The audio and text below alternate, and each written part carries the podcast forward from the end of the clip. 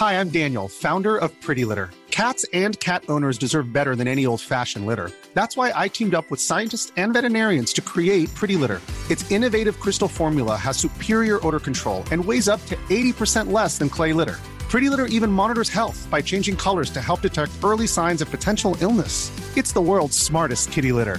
Go to prettylitter.com and use code ACAST for 20% off your first order and a free cat toy. Terms and conditions apply. See site for details. I'm Sandra, and I'm just the professional your small business was looking for. But you didn't hire me because you didn't use LinkedIn jobs. LinkedIn has professionals you can't find anywhere else, including those who aren't actively looking for a new job but might be open to the perfect role, like me. In a given month, over 70% of LinkedIn users don't visit other leading job sites. So if you're not looking on LinkedIn, you'll miss out on great candidates like Sandra. Start hiring professionals like a professional. Post your free job on linkedin.com/people slash people today. Planning for your next trip? Elevate your travel style with Quince. Quince has all the jet-setting essentials you'll want for your next getaway, like European linen, premium luggage options, buttery soft Italian leather bags, and so much more. And is all priced at 50 to 80% less than similar brands. Plus, Quince only works with factories that use safe and ethical manufacturing practices. Pack your bags with high-quality essentials you'll be wearing for vacations to come with Quince. Go to quince.com slash pack for free shipping and 365-day returns. Dette er en podkast fra Liverpool supporterklubb Norge.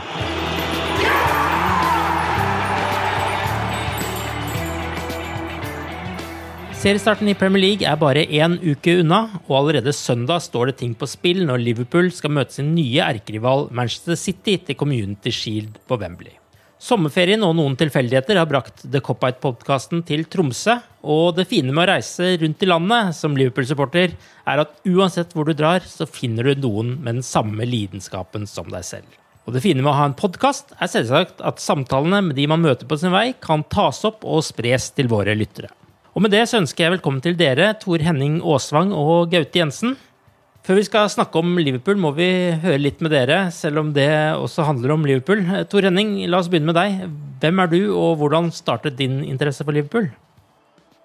Jeg heter Tor Henning Aasvang, jeg er fra Andøya og bor i Tromsø. da, og Jeg er en omsorgsarbeider og jobber på Sørøya omsorgstjeneste.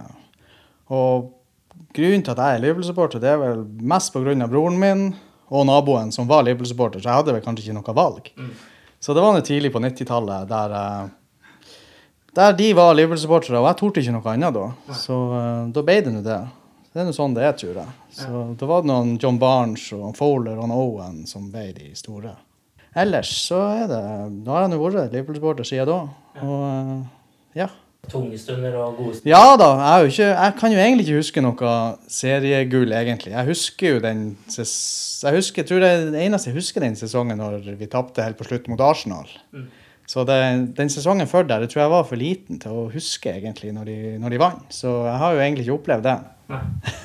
Så det er jo masse rare stunder der med både Hodgson og, og ja, Roy Evans også. Det er noen av de der periodene der med han Graham Unes! Ja, Graham Unes. Ja. ja.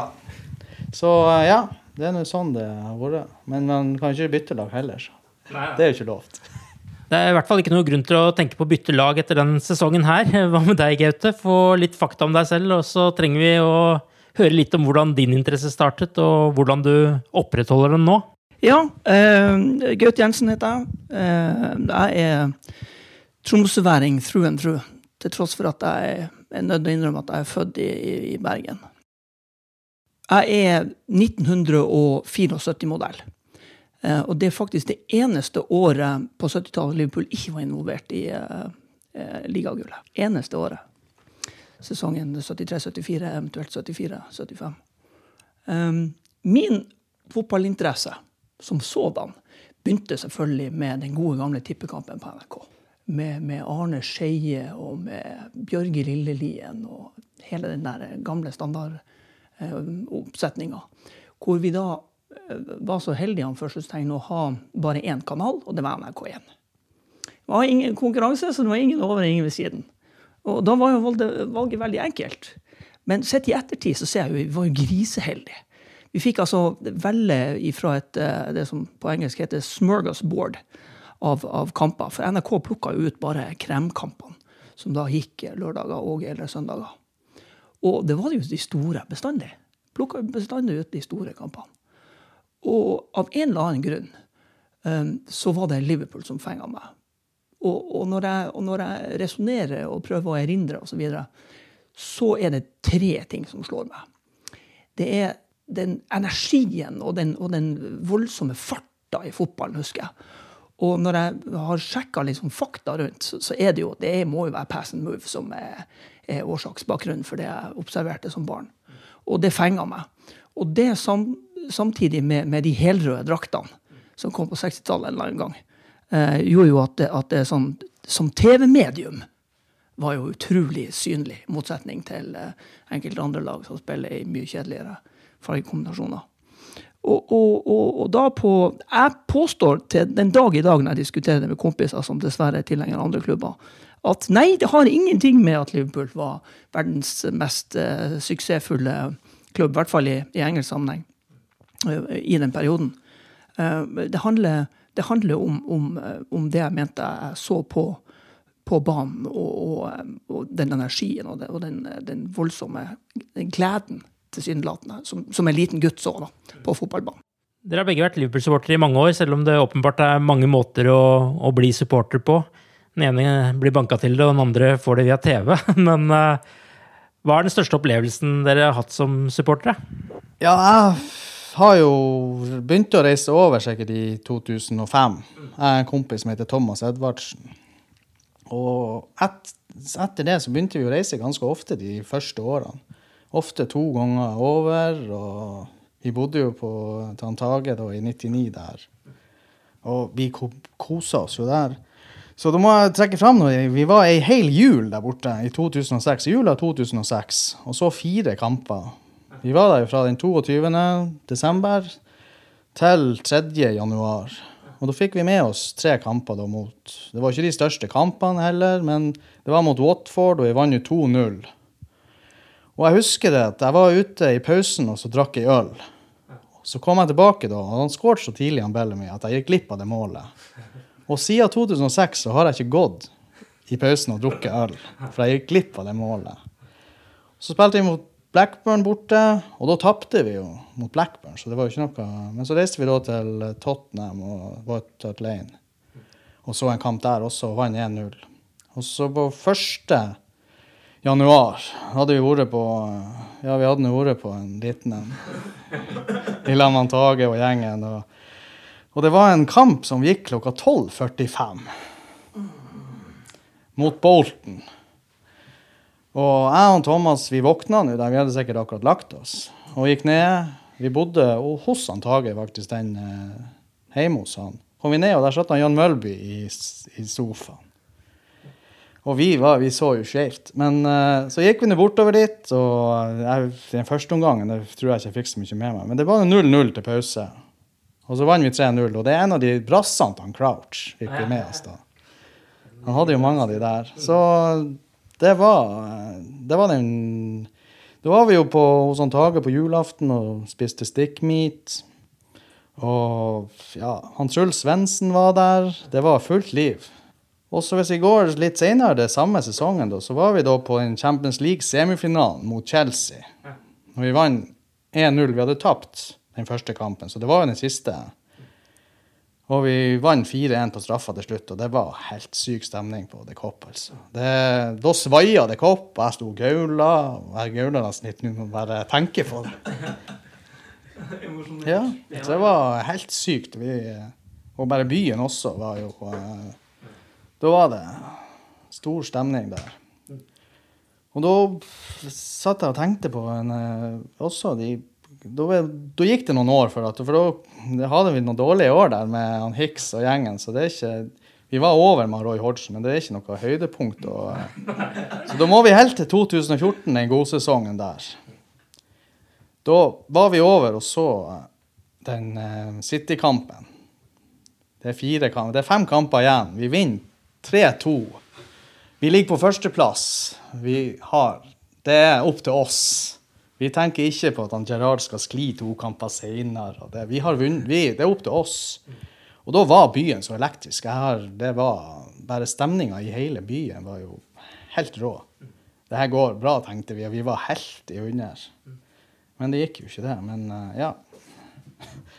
og så var jeg da også på den uh, Champions League uh, i fjor, mot City.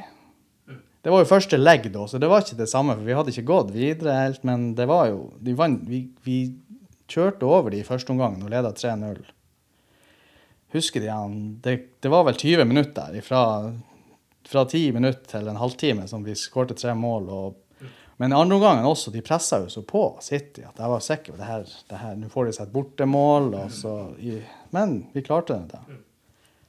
Og så var jeg jo i fjor på den Everton-kampen da Origi skårte på overtid der. Det, det tok så av på tribunen da. Vi fikk jo ikke med oss at han Klopp sprang på banen, for vi lå jo veggimellom der. og vi, ja, ja, vi vet ikke. Broren min var, møste jo uh, Vi var over og feira 40-årsdagen hans. Vi var syv stykker som reiste over da, og bodde på Hotell Tia. Vi var syv som for og vasa der.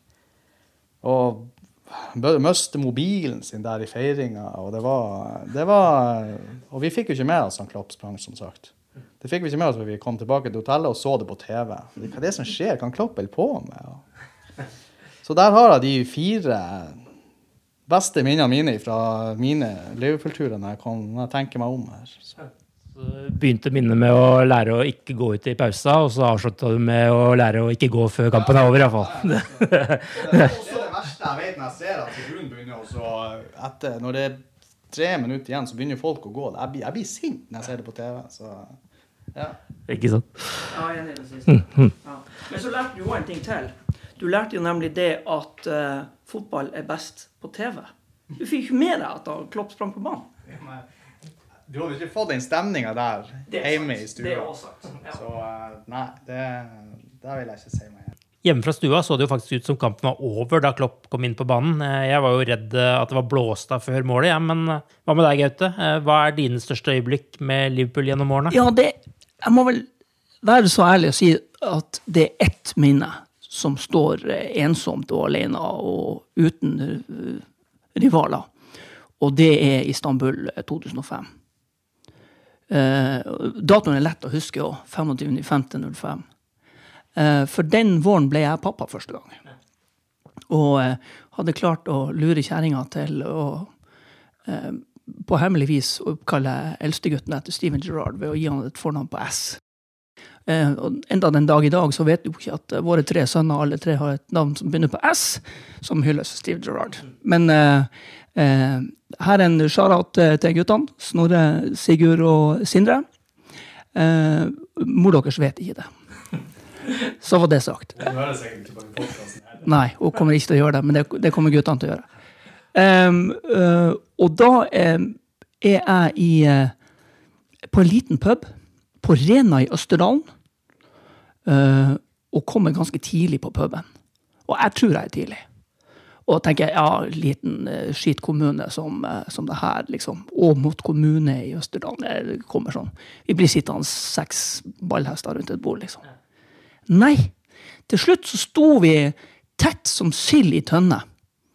Uh, og en ja, liten pub, det er ikke helt uh, riktig. Den heter Bakeriet. Han er vel uh, ja, gulvareal totalt på en kanskje 100 kvadrat. Det er jo ikke noe svært allikevel. Men uansett. Um, og det siger bare på med mer og mer folk, og stemninga blir bedre og bedre. og Folk begynner å snakke om ja, husker du kampen sånn, og kampen ditt og kampen datt. Og det her var jo på mange måter en sånn her eh, Den kampen her skulle være en fugl føniks for oss, følte vi. For det var jo realiteten. Det hadde jo ikke skjedd mye i det hele tatt siden 1900 og den tid. Og, um, så vi gikk bare og, og, og liksom venta på det. Og så kom jo den, den kjente pausen med, med, med 0-3 i sekken, og vi henger langt ned med haugene. Så kommer det en svær østerdøl bort til meg. Sånn skikkelig traktorsjåfør. Lukta til med maskinolje av han. Og så, så, ser han at jeg står og henger med hodet i rød trøye og er nedfor. Så bare legger han den svære bamsearmen over eh, lille Jensen på 67 kilo Så sier han at ja, er du deppa nå, er du nedfor og sånn her. Og jeg bare ja, faen, jeg trodde også i år var året og sånn. Og nå har jeg venta i altfor mange år. Så sier han at nei, nei, nei, det her snur vi. Det her snur jeg. Du må bare, du må bare ha trua. Så sier jeg ja, men trua han jo det jeg bestandig har som Liverpool-supporter. Se hvor det har hjulpet. Og, og, og, så kom jo den kjente turnaround i andre omgangen, og den konken og alt det der. Og, og hele kvelden da endte med at han her svære karen bare plukka meg opp og omtrent knuste meg i en sånn enorm ban bamseklem. Og enda den dag i dag så aner jeg ikke hva fyren heter. Men poenget sånn i retrospekt, og, og alle sånne, sånne punkter i, i, fotballhistorien min, min opplevde fotballhistorie, handler om det samme. Og det havner om, sånn som du beskrev litt i din opplistinga di, at det handler om fellesskap, delte opplevelser, og så handler det om en, om en sånn Corps de d'esprit, heter det på pent fransk. Hva vi kaller det for? Lagånd eller fellesskapsånd eller et eller annet på norsk. Og, og det er det det handler om. Å dele eh, gode øyeblikk og opplevelser la med folk som du deler noen ting felles med. Og i dette tilfellet er det jo eh, verdens beste fotballklubb. Eller You Never Walk Alone, som vi kaller det på engelsk. Gaute deler en opplevelse her eh, med å bli far, og hvordan man skal velge navn. Og kona hans hører heldigvis ikke på denne podkasten her. Jeg hørte jo på forhånd her at også du skal bli far. Har du noen planer om å plukke navn blant eh, Liverpool-spillerne, du, eller? Ja, jeg har jo planer om det, men jeg vet ikke helt om det blir til å gå hjem, de der. For jeg har jo levert ei liste med fem. Jeg har jo Mohammed. Jeg har Virgil. Jeg har Sadio. Se hvor det går. Jordan og Jørgen. Det var vel de jeg har levert inn. Og jeg vet ikke helt om han Mohammed Aasvang eller han Virgil Aasvang Jeg vet ikke om det blir til å gå hjem, men uh, jeg, jeg prøver meg nå på Jørgen, for det er det som er mest uh, nært. Men jeg tror ikke jeg har fått egentlig veto på den. Så jeg er litt, men jeg, det er nå noen måneder igjen, så jeg kan jo, eh, kan jo prøve litt til. Jeg, jeg kaller nå magen for Jørgen, så det er jo hver dag, så jeg prøver meg nå fram. Ja.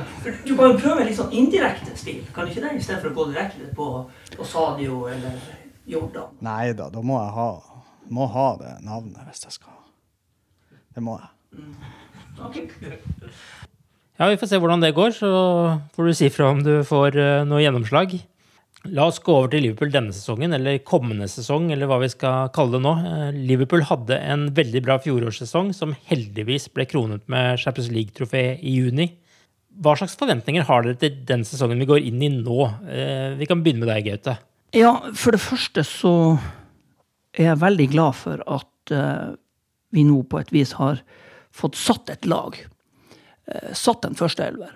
For hvis du ser på de store lagene, hvis du er på sent 70-tall eller midt 80 eller uansett, så er det en stamme i laget som vedvarer, og så er det bare så vidt at det er rullering på enkelte mindre sårbare eh, posisjoner. Eh, så har vi selvfølgelig et par unntak, sånn som eh, eh, Phil Neal på, på høyre back, var det? Ja, høyre back, tror jeg. Han er kanskje et av unntakene, da. Som er tidenes mestvinnende Champions League-spiller.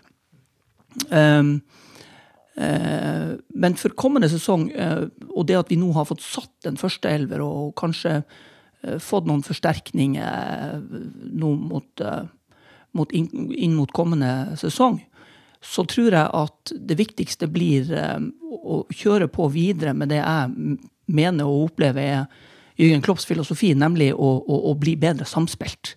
Bedre samspilt, og, og, og, eh, kanskje i enda større grad tørre å benytte den der eh, eh, metal-fotballen til Jürgen Klopp. Den der med alle mann i angrep-varianten. For det er den som viser seg, når vi tør å, å gå den veien, at eh, antatt kvalifisert sterkere motstand, eh, bare, da kollapser de. Da kollapser de. Sånn som vi annet har sett mot City i, i, i flere kamper. Så jeg forventer å se et bedre samspilt lag, og som tør å variere mer i eh, formasjoner, eh, kanskje, men aller mest eh, i, i, trykk, og hvor motpresset blir satt, osv. Det forventer jeg å se. Ja, jeg er, litt, jeg er jo enig med han at vi har fått sittet en Hvis den klarer å holde seg skadefri, den uh, elveren vi har nå, så forventer jeg at vi skal kjempe om ligatittelen. Jeg har lyst på ligatittelen. Det er den jeg har lyst på. Så kan vi heller uh, Ja, det var fint å vinne kjempe... Da vinner jeg av fare for å jinxe det, men nå er det der ute. Så det var det jeg også selvfølgelig mente. Det var underforstått. Ja, det- den jeg vil vinne, og det tror jeg hvis vi klarer å holde det laget vi har, skadefri, og så kan vi rurere litt på. Vi har en god dekning på midtbanen, syns jeg. Hvis han Ox og Keita hever seg ja, har også vært skada, men jeg syns han har vært dårlig i preseason. Og han Keita og det samme. Jeg har så trua på han Keita. Jeg vet ikke hva det er med han. Jeg har så trua på. Han- Men han fikk forrige sesong, og, og det gikk jo ikke så bra. Han var jo bra helt i begynnelsen, men det var jo Ja, han skuffa meg i fjor, egentlig. Og jeg syns også på midtstopperplassen har vi god dekning der. De er bra. Både Matip og Lovren. De har rutine og alt det der. Og så har vi han Gomez som må holde seg skadefri. Det eneste er jo på de backene. Så jeg vet ikke Vi burde kjøpe Jeg har lyst til å kjøpe et par spillere. En back og kanskje en litt offensiv eh, alternativ. Men ligatittel med den her, Spiller vi sånn som i år, så tror jeg vi vinner. For det sjøl City er jo gode, da, men de må Jeg vet ikke. De er, de er så gode. Det er det som er så irriterende. Men i sesongen vi hadde, vi hadde jo vunnet ligaen alle andre år, men eh, nei, nei. Får bare håpe. Du er inne på det med dekning. Eh, Det er alltid litt sånn kjedelig med somre der det ikke kommer signeringer, og man blir litt rastløs og glemmer raskt at ting egentlig gikk ganske bra i fjor, og at vi tross alt har et bra lag. Men hadde dere forventet at det skulle komme noen større signeringer? Og hva hadde dere ønsket dere i så fall? Gaute? Nei, altså, hvis du summerer opp i kroner og ører eh, de eh, signeringene som er gjort eh, fram til begynnelsen av kommende sesong, så er det urealistisk å tro at en klubb som ikke har hatt tradisjon for storsigneringer på den måten der, i hvert fall ikke i moderne tid, skal gjøre det. Etter den handlinga som har vært gjort, og de enormt sterke spillerne vi har fått på sentrallinja etter hvert. Og akkurat som han, eh, Tor Henning, så, så forventer jeg òg at Keita skal komme i gang snart. Uh, men så tenker jeg at For der er et vanvittig potensial. For hvis du ser noen av de matchene han har i den eh, tysk-østerrikske fotballtradisjonen, så ser du òg at de får mer tid, får mer rom, og, og eh, motpresset fra eventuelt motstanders defensive midtbane eller uansett, er ikke i nærheten så aggressivt eller så heftig som det er Premier League. Og jeg tror Premier League tok unge Keita med, med, med storm og bare feide han rett av beina. Han ble liggende som en eh, Oslo-gutt på stripa på Andes. Han ble blåst over ende av, eh, av Nordvesten, som kom slående inn. Um, så jeg tror at vi må bare, vi må bare tilstå Keita tid. Uh, og så er jeg helt sikker på at han, i likhet med, med flere andre som har variert i prestasjoner og så videre, og har hatt problemer med overgang til Premier League, jeg tror han vil, tror han vil komme etter hvert. Det er jeg helt overbevist om. Helt overbevist om, ja. Men er det noen spillere du ser for deg at du ville hatt inn eh, på laget? da? Nei, jeg, jeg, savner ingen, jeg savner ingen spesielt. Og jeg opplever ikke at vi er, at vi er svekka i, i noen posisjoner, eller at det er noen posisjoner jeg ser at vi oftere eh, får gjennomspill imot, eller noe sånt. Nei, jeg, jeg gjør ikke det. Og også hvis man ser på eh, årets eh, Premier League-lag av, av eh, sist sesong, eh, hvor vi praktisk talt vant begge backene, så er jeg uenig med Anton Henning i det her back-savnet. Det, det, det, føler jeg ikke det, at vi, at vi, at vi mangler. Det er det jeg tenker. Hvis noen blir skada, så har vi ikke Ja, at vi har en tynn stall, tenker du på? Ja. Vil, de, vi har jo ingenting som trenger sånn, en, en ut av de elverne. Det er det som er vanskelig å kjøpe en som skal være backup, for du får jo ikke kjøpt på øverste hylle da. Så Ja, det, det, er sant. Det er sant. Det er veldig, det er veldig få A-spillere som aksepterer å komme inn og så signere en kontrakt hvor det står at du blir en, en stallspiller. Alle forventer jo at det skal stå førstelags, uh, altså første elver på kontrakten. Jo, jo, helt klart, jeg ser den. Eh, men nei, det, det, er ingen, det, er ingen, navn jeg savner. Og, og, det er heller ingen Det har jo vært noen navn i media, og sånt, men eh, det er ingen av dem som, som gir meg noe sånn eh, voldsom ståpels eller noe. Nei, jeg savner ikke noe spesielt. Og så har man en del unggutter her som kan komme inn, men min tanke er, som dere har snakket om, at det er på tide å vinne ligatittelen igjen. Skulle man da slått på stortromma og hentet inn noen store navn som backup når Sturridge har forsvunnet, blant annet? Eller tror dere Origi eller Brewster klarer å fylle det hullet? Jeg skulle gjerne sett to signeringer som var for å sette press på elveren. For du trenger litt press. Du kan ikke få at de går og tror at de kommer, spiller uansett. Eh, men hvis vi ikke gjør det, så har jo vi jeg, sånn Venstrebacken der, han Larosi, har jeg syntes har vært bra når han ikke ble drept av den spilleren. så eh, også han Origi han har jo begynt å skåre nå. Jeg håper bare han kommer tilbake til den han var når han, før han ble skada. Men det begynner å bli noen år siden. Uh, han er et bra alternativ, syns jeg. Han, ung mann. ja, han er ung mann ennå, og uh, han, har, han kan skåre mål, det vet vi. Så jeg håper bare at han får spilt litt, og det er det som er viktig. Uh, og så har man jo på midtbanen Ox er jo tilbake, da, som sagt. Og han Keita skal jo Så vi, hvis vi ikke får kjøpt inn noen sånn, så det er ikke, tror jeg ikke det er krise, egentlig. Og midtstopper så er det heller ikke noe vits i å handle. Så lenge de, vi får beholde, hvis han Lovren plutselig går, så må vi kjøpe noe. og ja. alt sånne ting. Hvis han Mignolet går, så må vi kjøpe en ny keeper. Men uh, ellers så, Men det eneste er det at vi hadde litt en offensiv alternativ til de tre på topp og en, eh, en venstreback, tror jeg. Liverpool har lagt bak seg en relativt svak preseason resultatmessig, men avsluttet med seier mot Lyon på onsdag, der Harry Wilson klinte en relativt grei ball i nettet. Han er jo en spiller det hele tiden snakkes om. Eh, skal han bli, eller skal han dra? Eh, vil dere beholde han, Tor Henning? Nei, jeg, jeg syns han virker som en spennende kar. Og jeg liker at vi får en med venstrefot der som har et skuddbein, for det syns jeg vi mangler. Vi har han Shakiri som kanskje har et, eh, en frisparkfot, men ellers er det tynt. Enig akkurat det. Ja. Det der med ja. frispark. Og... Frisparksfoten. Og kanskje han Alexander Arnold har en god en, men uh, han Vi mangler den uh, spesialisten der, og der tror jeg han kan bli en. Og det han gjorde i går, altså, den, den var fin. Så jeg, jeg, håper vi beholder han. og hvis vi ikke skal handle inn noe, så må vi behandle han. Det mener jeg da. For jeg liker den litt tanken at han skal satse på litt unge og få de til å gå fram, istedenfor bare kjøpe kvantitet og ja, bare fylle på med Sende de ut, de du har allerede, og kjøpe inn noen som er kanskje dårligere og ikke er vant til, til klubben og sånn. Så jeg håper vi beholder han. Hva mener du om Wilson, Gaute? Og er det andre unggutter du har troa på denne sesongen her? Ja, når det gjelder unge spillere, så, så, så har jeg ikke noen sånne kjempeforventninger om at ja, OK, her har vi en ny Owen, eller uh, her har vi en ny uh, Rednap, i den grad han går an å snakke om i den sammenhengen. Um, så jeg, jeg, tenker, jeg, tenker, ikke primært sånn. Jeg tenker primært det at um, uansett hvem som kommer inn, uh, så må det være en spiller som har et eller annet lite ekstra. Uh, og, og, det er nesten litt uavhengig av alder. Jeg mener, se bare på uh, Se bare på uh, Boring Milner? Boring Milner, for eksempel. Det er helt sjukt. Er det, han er jo så gammel at han er jo en sirkushest snart. Men han, han, han topper altså eh, statistikken i antallet nedlagte meter og i, i, i antallet involveringer og pasninger og defensive taklinger og offensive pasninger. Det er jo helt sjukt.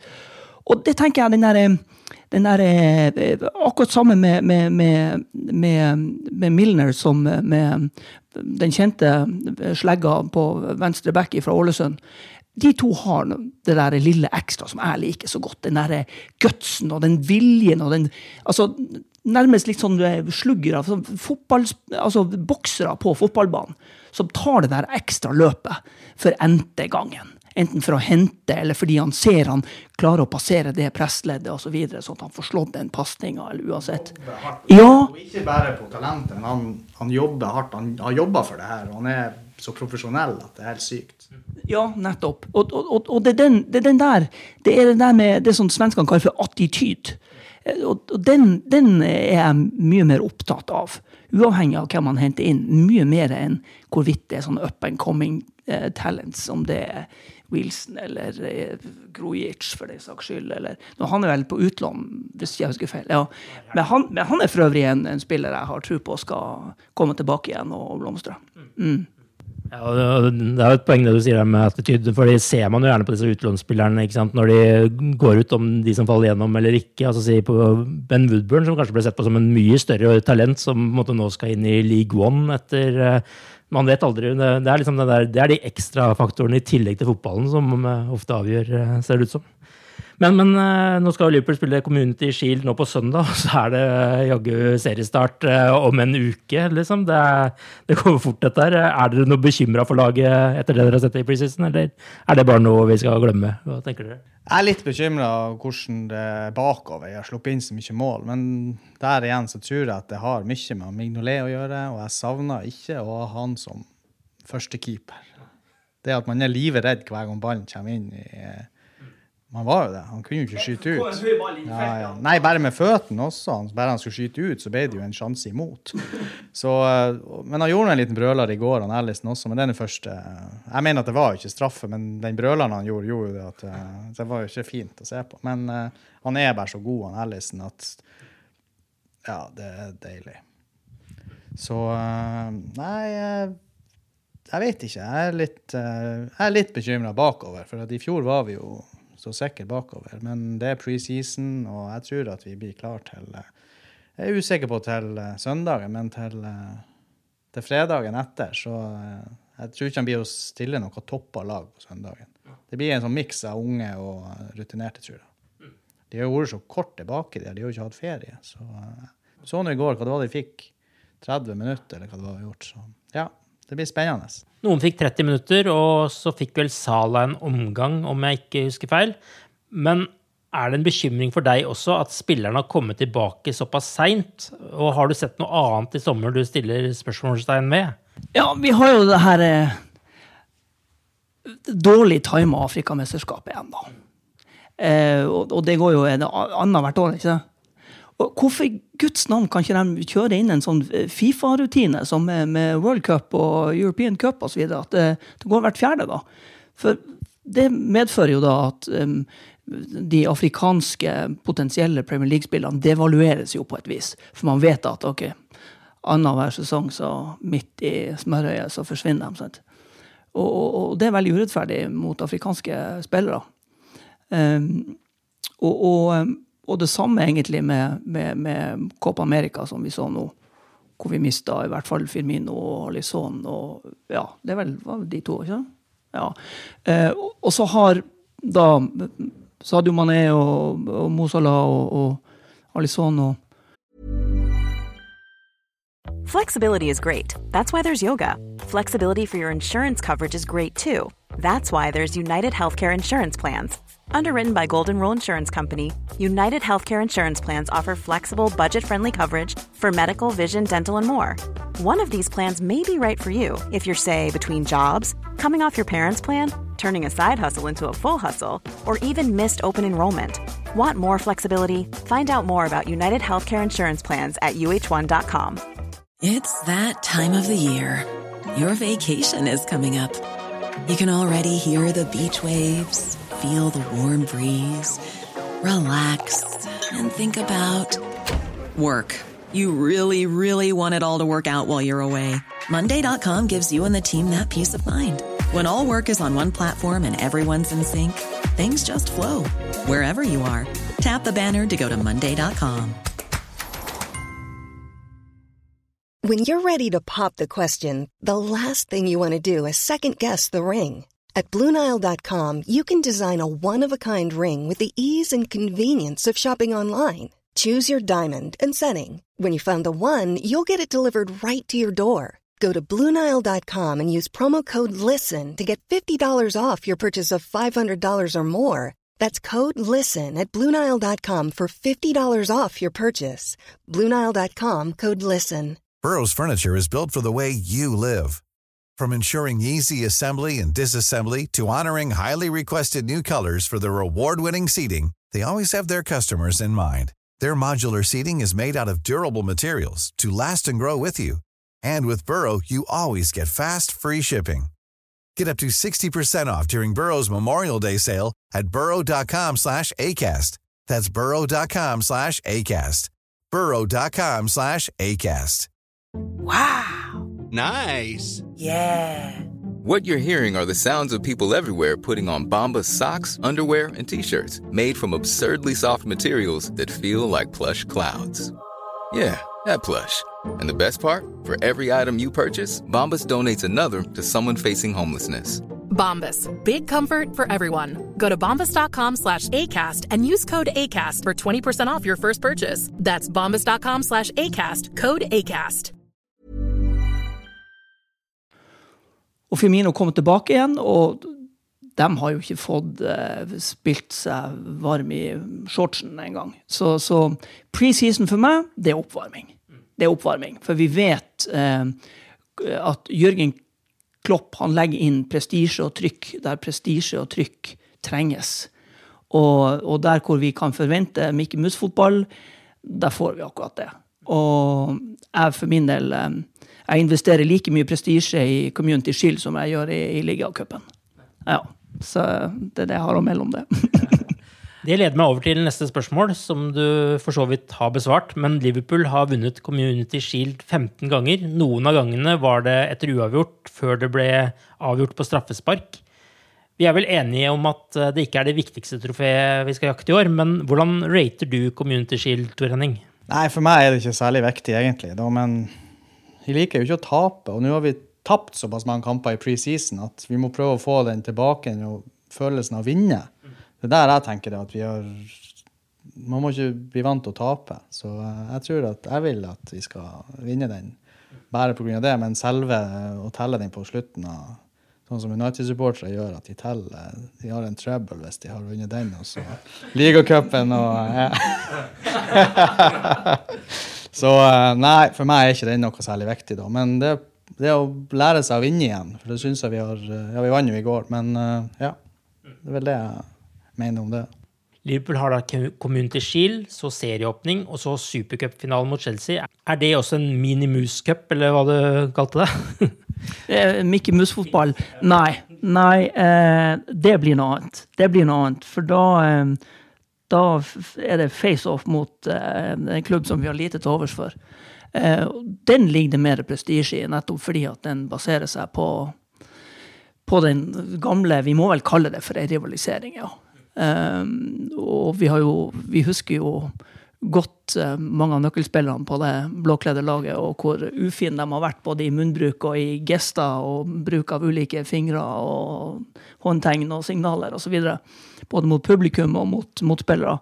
Uh, så det, det, er definitivt en, en, en kamp uh, vi som har fulgt klubben i noen tiår, og da sier jeg noen tiår,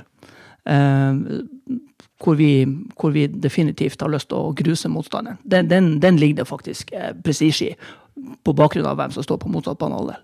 Ja. Det er et interessant poeng det du tar opp der med rivaler. Hvem ser dere på som de største rivalene nå etter at Manchester City også har kommet på banen her? Har Everton-kampene for For fortsatt noe prestisje, slik dere ser det? Ja, det blir jo, det blir jo United og Everton ennå. De er, ligger langt nede. Så uh, men, man har jo ikke det samme med Arsenal og City og sånn. Det er litt mer vennskapelig, føler jeg nå, jeg i alle fall. og men så har du så klart det han sier om Chelsea også. De, jo, de er jo også der. Men det, for meg blir det United og, og, Everton som blir de største, som du tenker på. Som er nabo Det blir jo naboer og sånt. Så det, det er derfor, sikkert. Ja, og ja, om City, nei, unnskyld, om Chelsea så bruker vi jo å synge på Anfield eh, at eh, eh, Bleep, bleep, bleep, you have no history. Mm. Det bruker man å synge om Chelsea. Jeg tenker Det samme gjelder jo sånn mentalt og sånn overfor City òg. Ja, de har jo ingenting, så foruten om de siste ja. årene, så ja. ja. Kjø Kjøpeseiere, tenker jeg. jeg. Jeg tenker på dem som det. Ja da, det er jeg helt enig i. Men de er jo sykt gode, og de spiller jo en helt sykt bra fotball nå, så Men jeg har ikke den følelsen at de er et sånn jeg, jeg, hater ikke de. Jeg klarer, jeg vet ikke, Det, det blir ikke der. Det er ikke noen supportere å hate der, kanskje? Nei, ja. Nei men, men, men, tenk nå da på, tenk nå på hva United-supporterne eh, sa sist sesong nå, i møte mot eh, Manchester City, på Old Trafford. Så sier de at ja, det gjør ingenting om vi taper denne kampen hjemme på Old Trafford mot Man City, så lenge Liverpool ikke tar tittelen. Altså, der ligger det, liksom. Der ligger lista. Og Everton-supportere som ble intervjua for kampen eh, deres mot Manchester City i vår, eh, sa jo at de gjerne ville at Everton skulle tape, så Liverpool ikke gikk til topps. Men uh, sånne supportere vil vel aldri vi bli. Det jo, men jeg føler at det er mange United-supportere som nesten bryr seg mer om at Liverpool gjør det dårlig, enn at de gjør det bra. Ja, for de har et lillebror-kompleks. Sånn er det bare. vi må også få noen spådommer fra dere om den kommende sesongen, så jeg har noen spørsmål til dere her.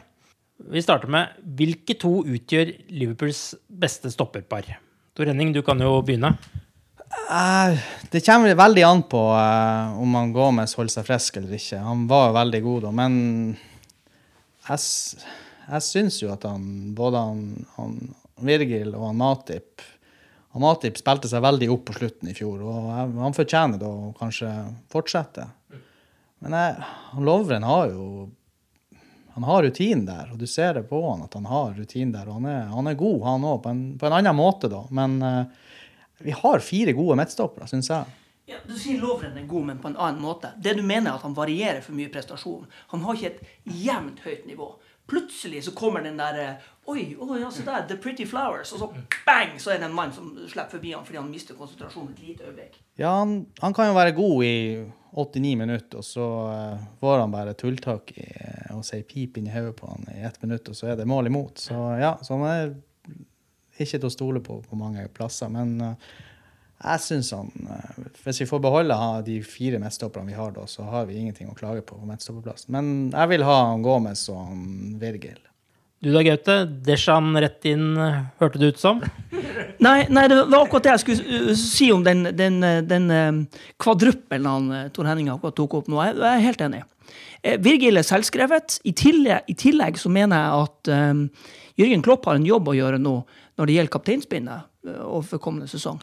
Der mener jeg at uh, Virgin van Dijk, hvis vi teller opp prosentvis hvor mange av kampene i fjor totalt han stilte i, uh, så gjør det at uh, hvis ikke han deler det captain sier, eh, så burde vi i hvert fall vurdere at han blir fast visekaptein. Sjøl så mener jeg jo at der burde være en delt arbeidsfordeling mellom han og Hendo. Når det er sagt, så mener jeg at han er selvskreven som forsvarsminister. Og, og, med, og, med, unge Gomez eller Matip ved siden av, og Lovren som en, en stallspiller. Fordi at Gomez og Matip tror jeg har sinnssykt mye å lære av uh, Virgil van Dijk i, i, alt med plassering og timing. og i det hele tatt. Du ser bare konsentrasjonen. Den lyser øynene hans. Han har øynene stivt på ball og mann som kommer imot. Og så ser du samtidig at han roper kommandoer til backer og til keeper og til, og til makker på høyre eller venstre side av seg sjøl. Og han styrer alle de tre-fire rundt seg samtidig som han sjøl gjør sine egne valg. Og det forteller noen ting om også at eh, eh, det beste med Virgil van Dijk er kanskje ikke den enorme eh, auraen og den rekkevidden han fyren der har, men kanskje aller mest om at fotballspilleren van Dijk er først og fremst mellom ørene hans. Og peisesex. ja, damene er litt delt i Damene er litt delt i dommen, faktisk. Ja, jeg mener det. Ja, ja, ok. Ja. Jo, objektivt sett så må vi jo si det. Ja. Nå har vi ingen damer til stede for å forsvare seg, som du pleier å si i debatter, så vi får, får ta det en annen gang. Men, men, apropos van Dijk. Eh, det kommer en kåring rundt juletider om hvem som er verdens beste fotballspiller. Er det på tide at en Liverpool-spiller, og ikke minst en forsvarsspiller, vinner den prisen nå? Gaute? Ja, det der har irritert meg i mange år. At gullstøvler og den ene utmerkelsen og prisen etter den andre går til eh, ving ditt og spiss datt og falsk nier X osv. Det, det irriterer meg bare. At det, at det liksom er antallet målpoeng og, og selvfølgelig skårte mål som skal avgjøre det. Det mener jeg blir helt feil. Men det blir helt feil. Vi må synliggjøre i mye større grad hvor mye eh, skal vi si, bakre halvdel av, eh, av eh, banen også er verdt av spillere. Og der mener jeg Liverpool opp gjennom de siste årene har hatt mange som har vært med i, i, i en eventuelt sånn kåring. Og vi, vi, det er fullt fortjent at de løftes høyere opp og lenger frem, for det har de definitivt fortjent. Um, og jeg mener jo at selvfølgelig mitt personlige syn, men at fotball i utgangspunktet har begynner med at vi slipper ikke inn mål, vi tar kontroll på kula, og så angriper vi. Og for at skal du klare det, så må du ha, må du ha vinnere bak. Og, og, vi så den enorme forandringa som skjedde i uh, Liverpool Football Club da Virgil van Dijk kom. Det var en enorm omveltning. Det var nesten som natt og dag. Og det alene, nesten. Det alene uh, burde jo helt klart kvalifisere for noe sånt, ja. Ja, jeg mener at han burde vinne den. Eh, men ja, men hva er det som har vunnet de siste de, det er noen Ronaldo og Messi som har vunnet de siste 30 årene. de siste 30 årene, og Jeg mener de, de har vært så gode at de har fortjent det når de har vunnet det. Men uh, i år mener jeg faktisk at han, van Dijk uh, De har vel ikke hatt de største sesongene, har de det? De gjør ikke hva de har vunnet for noe. Ja, og Champions League-trofé burde jo være et bevis på det. Og når vi ser på draktsalg og hvem folk ønsker å trykke navnet av bak på drakta, så har van Dijk faktisk også tatt over tronen der fra Mohammed Salah. Så det er jo også et testament til det han har utrettet. På midtbanen har det vært mye bytter eh, gjennom eh, forrige sesong. Eh, hva tenker dere er den beste midtbanen Liverpool kan stille med denne sesongen? De tre på midtbanen, det mener jeg jo er Keita, Fabinho og Henderson. Og hvis han Ox er blir i form, så kan han kanskje komme seg inn på en av de der. Han og Keita bytter kanskje. Eller... Ja, nå tar du utgangspunkt i 4-3-3. Ja, det blir jo det. Da tenker de tre på midten der som man blir til å spille med mest. Så, eh, og da syns jeg man har god balanse der. Jeg synes når du har både han eh, Så har du han Vinaldum der også, klart, og han kan bytte. Men jeg syns både med han Vinaldum, Milner og Henderson så blir det ikke kreativitet nok der på midtbanen. Um, personlig. Selv om i noen kamper så er det sikkert greit å ha de arbeidshestene der. så det er vanskelig, det. Men jeg, hvis du har alle friske, så vil jeg ha en Keita, Fabinho og Hendo. Uh, ja, jeg tenker nesten det samme. Uh, Brannfankel, kanskje, men jeg syns ikke at Hendo er god nok. Uh, ja, han er, ja, han er fast invitar på det engelske landslaget, og han har vel det captaincy der òg, hvis jeg husker feil. Uh, eller Nei, han er, nå er det Kane. Ja, ja, ja. ja. Eh, eh, han er en ledertype, han er sterk i hodet. men jeg syns radaren hans går svart for ofte. Og at det er rom som oppstår, enten til høyre eller bak venstre, eller et eller annet. Og så kommer det en spiller rundt, og så får han motpasninga. Bom, så han alene med stopper. Og det skjer for ofte, syns jeg. Eh, og jeg syns faktisk ikke Jordan Henderson er god nok. Det er mange som sier meg imot og beviser det gjennom videosnutter. Og se her, han tar Ser du vi angriper, og så faller han av og plukker opp det rommet og sånn og slik. Ja vel, ok, greit nok. Men han skaper ikke nok offensivt, og jeg syns ikke han løser oppgaven defensivt eh, godt nok. Um, det blir litt sånn Jamie Rednap-faktor over han av og til, at han, han bor inne i midtsirkelen. Eh, så derfor så mener jeg helt alvorlig at så lenge Milner er still going strong, så burde Milner være den selvsagte arbeidshesten på midten. Eh, la med Genie Vinaldum.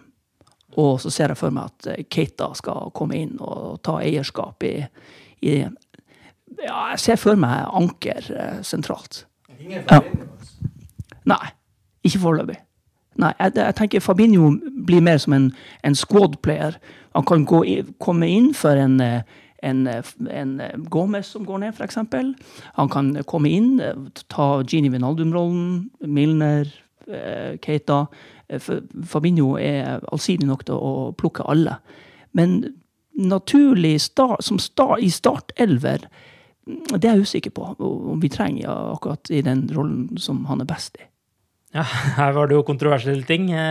Henderson er jo et interessant tema. Han startet sesongen i fjor som midtdefensiv midtbane og ble etter hvert brukt mer som boks-til-boks-spiller.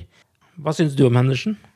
Jeg liker han, eh, men han får mest ut av seg når han fikk mot slutten, når Fabinho var den defensive, og han var den boks-til-boks som han skal være. Da syns jeg han blomstrer, og han strør baller, syns jeg. Han jobber, og han kjefter han skikkelig krumma nakken og var en ledertype, syns jeg i alle fall. Så jeg liker han.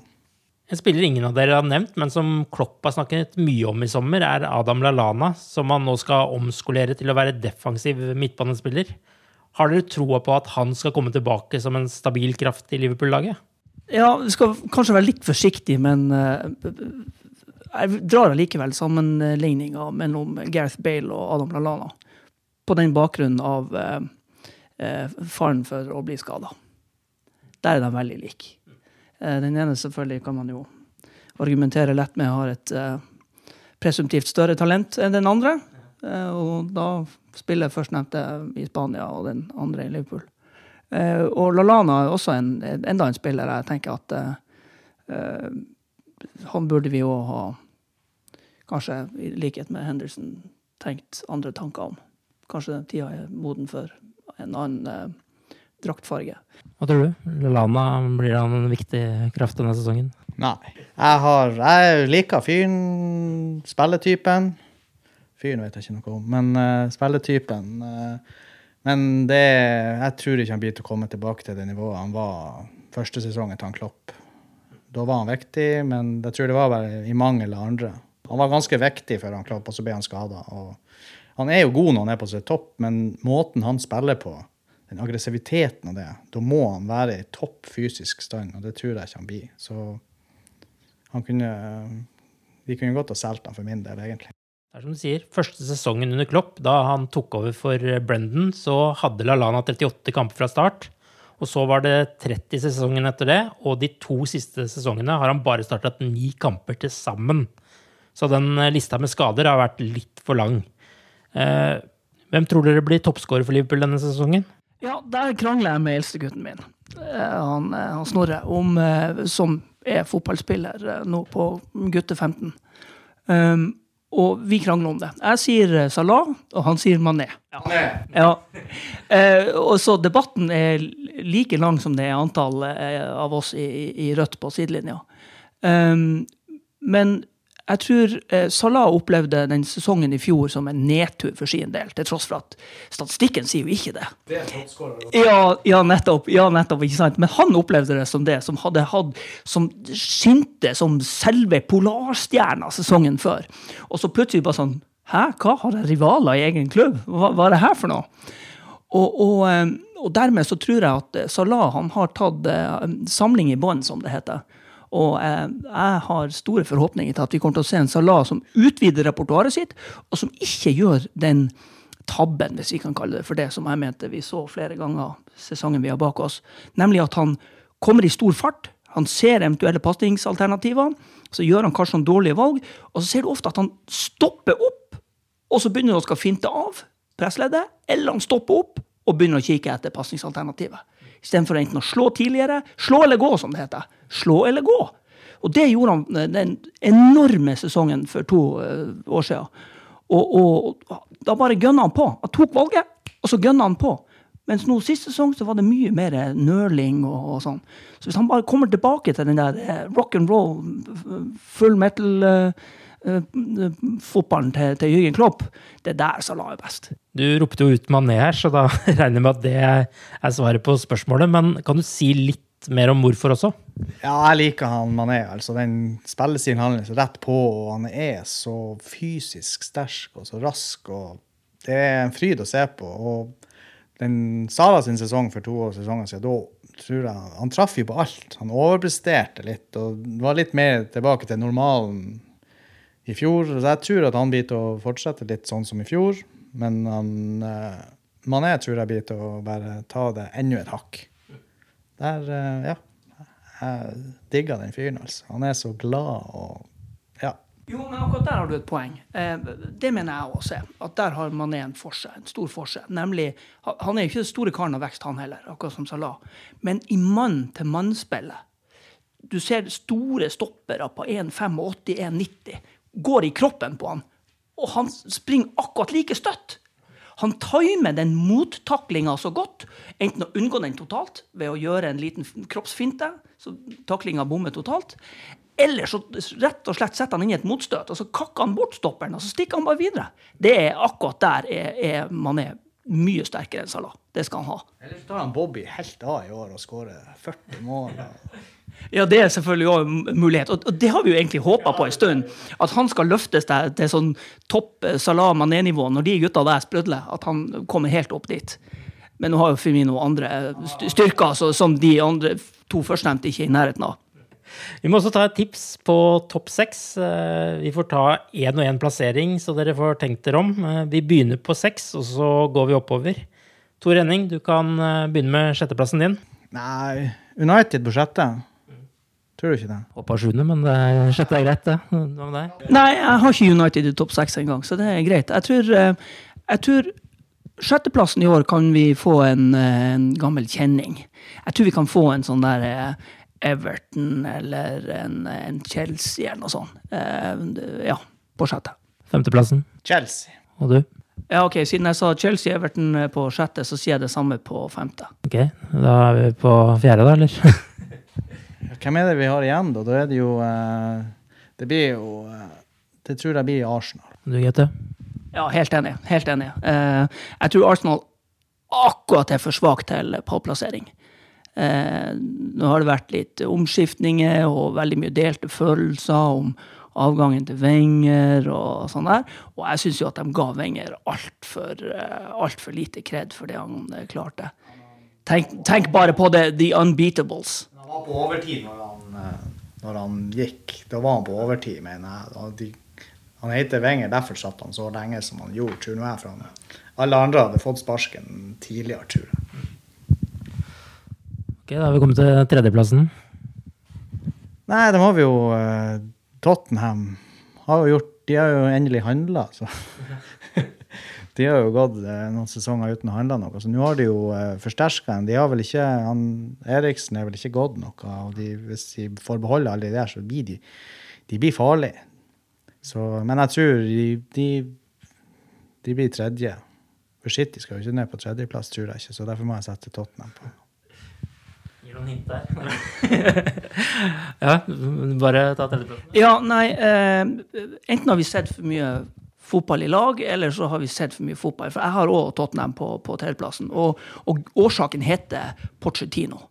Han er argentineren der, og det fotballhodet hans er helt enormt. Jeg tror ikke det finnes eh, ikke verken i Manchester City eller i Liverpool en manager som ville klart å få ut av Tottenham, det Porcetino har klart. Det er hatten og klærne og skjorta og skoa av for han, altså. Helt enormt det han har klart i Tottenham. Og jeg tror også, akkurat som Tor Henning, at med forsterkninger så, så, kommer Tottenham til å bli en, definitivt en sterk dark horse. Helt klart. ja. Selv om det ser ut som Portugino er litt uh, litt irritert på ledelsen der uh, også. Han uh, mente jo at han ikke visste noe om hvem som ble og kom og sånne ting her om dagen, så det var et lite stikk til ledelsen, det. Den, den følelsen kjenner vi jo godt. Ok, andreplassen? Ja, det blir jo eh, Jeg må jo bare være offensiv og gå for City der, og så kjører vi full pupp og håper på det beste. Men City er så god. Er, jeg føler faktisk at de tre der kan faktisk alle de tre på topp der de er såpass gode. At, eh, men City på andreplass. Er det hode eller hjerte som eh, gjelder her, når du gir ditt svar? Ja, det er jo akkurat som når du ser hun den nydelige blondina på hjørnet av puben, og du har tre innenfor skjorta, så er det sånn at uh, uh, skal, skal ikke, tør, tør ikke. Sant? Vi er der. og derfor så må jeg si det blir Manchester City på, på, på andreplass. fordi at tida er moden, og fordi at jeg opplever at Jørgen Klopp har i det mentale spillet, det, det her sjakkspillet som managerne driver på med, som vi andre ikke har direkte adgang til. Um, I det sjakkspillet så opplever jeg at Jørgen Klopp er et lite hakk hvassere enn uh, han Pepino i, i, Manchester City. Jeg hører jo at du har Liverpool på første også. Hva er grunnen til det? Hva skiller Liverpool fra Manchester City denne sesongen? Jeg tror bare det at uh hvis vi, vi, klarer å holde det nivået vi hadde, og så blir de til å dette bitte litt. For nå har de hatt eh, to sesonger der som de har vært på på helt på maksgrensen til hva som er mulig, egentlig. Så eh, jeg har trua på at de skal dette litt, og vi får en tilsvarende sesong som i fjor. Kanskje ikke så mange poeng, for det er jo også helt sykt. Men så vi håper jo på det. Nå har Liverpool vært i Champions League-finale to år på rad. Blir det en tredje gang også, eller hvordan tror dere det går? Oh, det er jo det store, store, store spørsmålet. For jeg tenker at der er kanskje et, et visst eh, Skal vi kalle det skisma der? Et skille. Fordi at sist vi vant uh, toppserien, var vel i 90, hvis jeg husker feil. Og da hadde vi vært utsatt for uh, uh, ja, de her tragediene, jeg gidder ikke å nevne med navn engang, som førte til at det ble noen års utestengelse. 85, ja, I hvert fall fem års utestengelse. Og, og, og um, i det fraværet av europaspill så tok vi bøtta i våren 90, vel. Hvis jeg husker, var ikke 19, ja. Um, og av akkurat samme årsak, fravær av europaspill, så har jeg en liten mistanke om at pga. den kampbelastninga, så kan det være stein i skoen til Jørgen Klopp. At eh, stallen kanskje ikke er fullt så brei eh, som eh, de lyseblå er litt lenger øst. Og det må i så fall kunne være eneste utfordringa som gjør at vi ikke skal være en, eh, en tittelutfordrer i, i, i, begge de to store. Ja, Både hjemlig og den store europacupen. Ja. Mm. Hva tenker du om Champions League? Blir det en uh, ny tur? Jeg vet ikke hvor i verden finalen er nå neste år. Jo, er, nå er det tilbake i Istanbul, er det ikke det?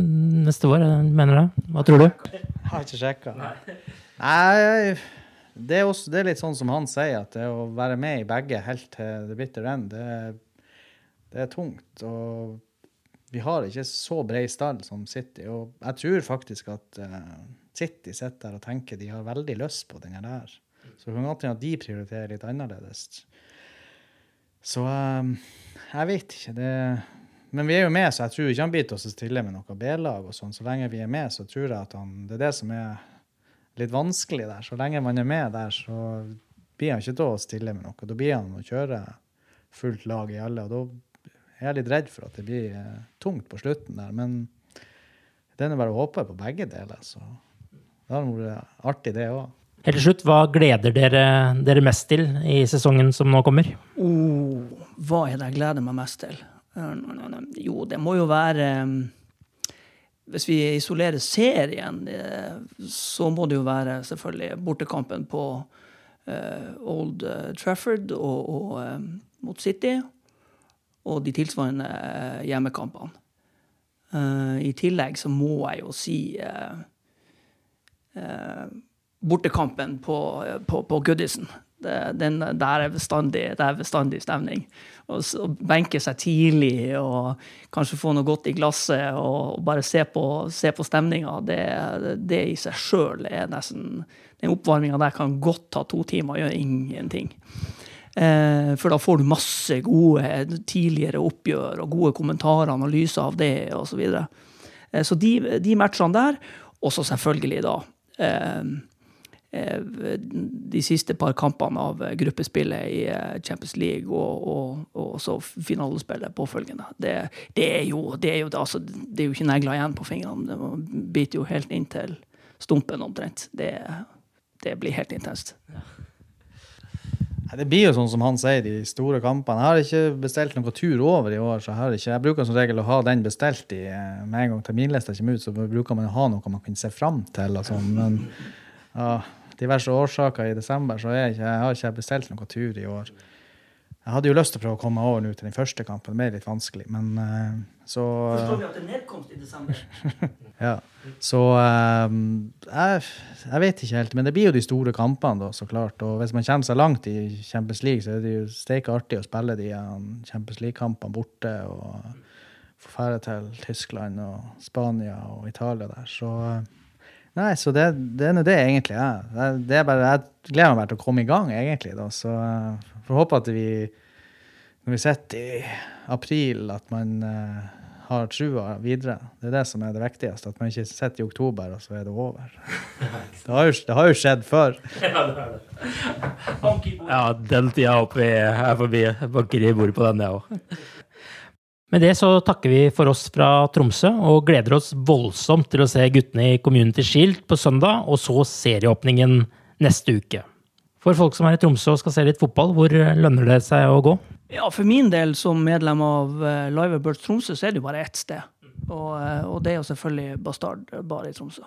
Uh, pub og bar. Der uh, bruker vi å samles en gjeng og rett som det er, så står og sitter vi som sild i dønne, og til og med midtvinter så må, så må døra opp fordi at vi skal få frisk luft og kjørt ned temperaturen.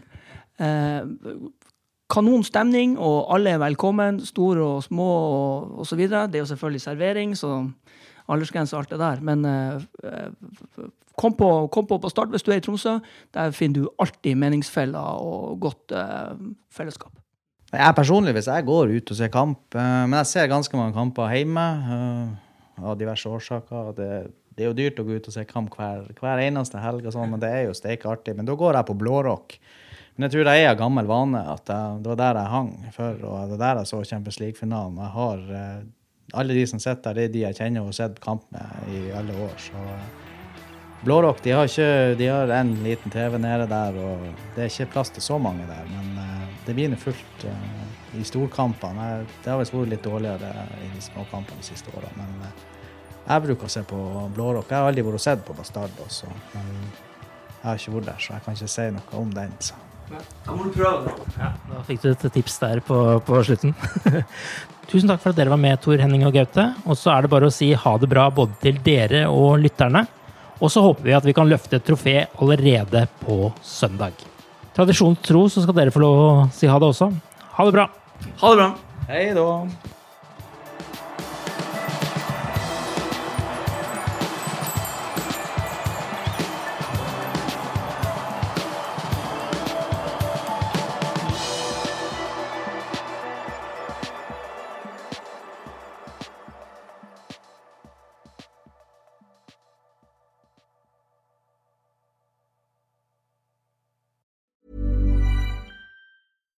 Normally, being a little extra might be a bit much, but not when it comes to healthcare. That's why United Healthcare's Health Protector Guard fixed indemnity insurance plans, underwritten by Golden Rule Insurance Company, supplement your primary plan so you manage out of pocket costs. Learn more at uh1.com. Imagine the softest sheets you've ever felt. Now imagine them getting even softer over time. That's what you'll feel with Bowl and Branch's organic cotton sheets. In a recent customer survey, 96% replied that Bowl and Branch sheets get softer with every wash. Start getting your best night's sleep in these sheets that get softer and softer for years to come. Try their sheets with a 30-night guarantee. Plus, get 15% off your first order at bowlandbranch.com. Code BUTTERY. Exclusions apply. See site for details. Planning for your next trip?